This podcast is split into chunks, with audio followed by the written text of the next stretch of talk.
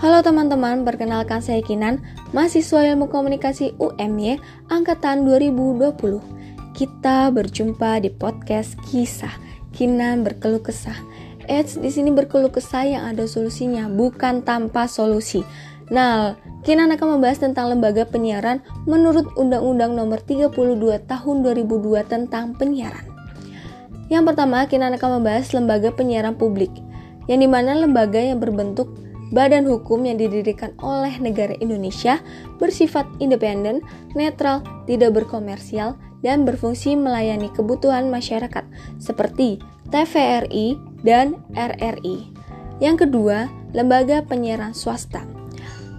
Lembaga ini bersifat komersil, berbentuk badan hukum Indonesia, usahanya hanya menyelenggarakan penyiaran radio atau televisi warga negara asing dilarang untuk menjadi pengurus lembaga penyiaran swasta, kecuali di bidang keuangan dan teknik. Pada pasal 18 Undang-Undang Nomor 32 Tahun 2002 tentang penyiaran menyatakan tentang perbatasan kepemilikan yang bertujuan untuk mencegah pemusatan kepemilikan cross ownership maupun kepemilikan silang. Bahwa gagasannya yaitu Penyiaran itu menggunakan frekuensi publik karena frekuensi publik harus ada dua diversity. Yang pertama diversity of content, keberagaman konten dan diversity of ownership, keberagaman kepemilikan. Lembaga penyiaran swasta ini mendapatkan biaya dari produksi iklan maupun yang lain yang sah yang terkait dengan jasa penyelenggaraan penyiaran. Yang ketiga, lembaga penyiaran komunitas yaitu berbentuk Badan Hukum Indonesia didirikan oleh komunitas tertentu, bersifat independen, tidak komersil, dengan daya pancar yang rendah, luas jangkauan terbatas, dan melayani komunitasnya. Lembaga penyiaran komunitas ini dibatasi tidak boleh mencari laba, tidak boleh mencari keuntungan semata.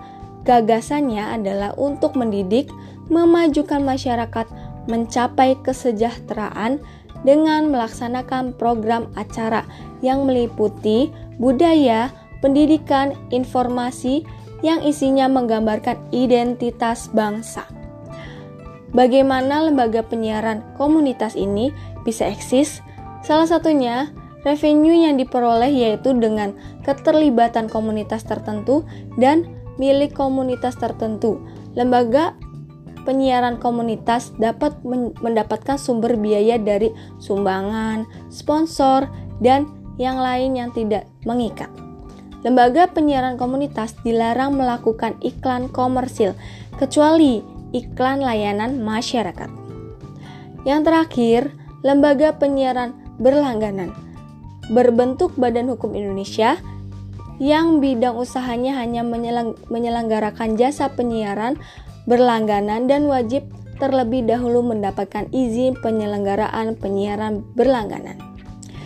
Dalam lembaga penyiaran berlangganan ada dibagi menjadi tiga yaitu satelit, kabel, dan terestrial. Itu saja yang bisa kita jelaskan. Terima kasih dan mohon maaf jikalau ada salah kata. Sampai jumpa di podcast selanjutnya. Bye bye.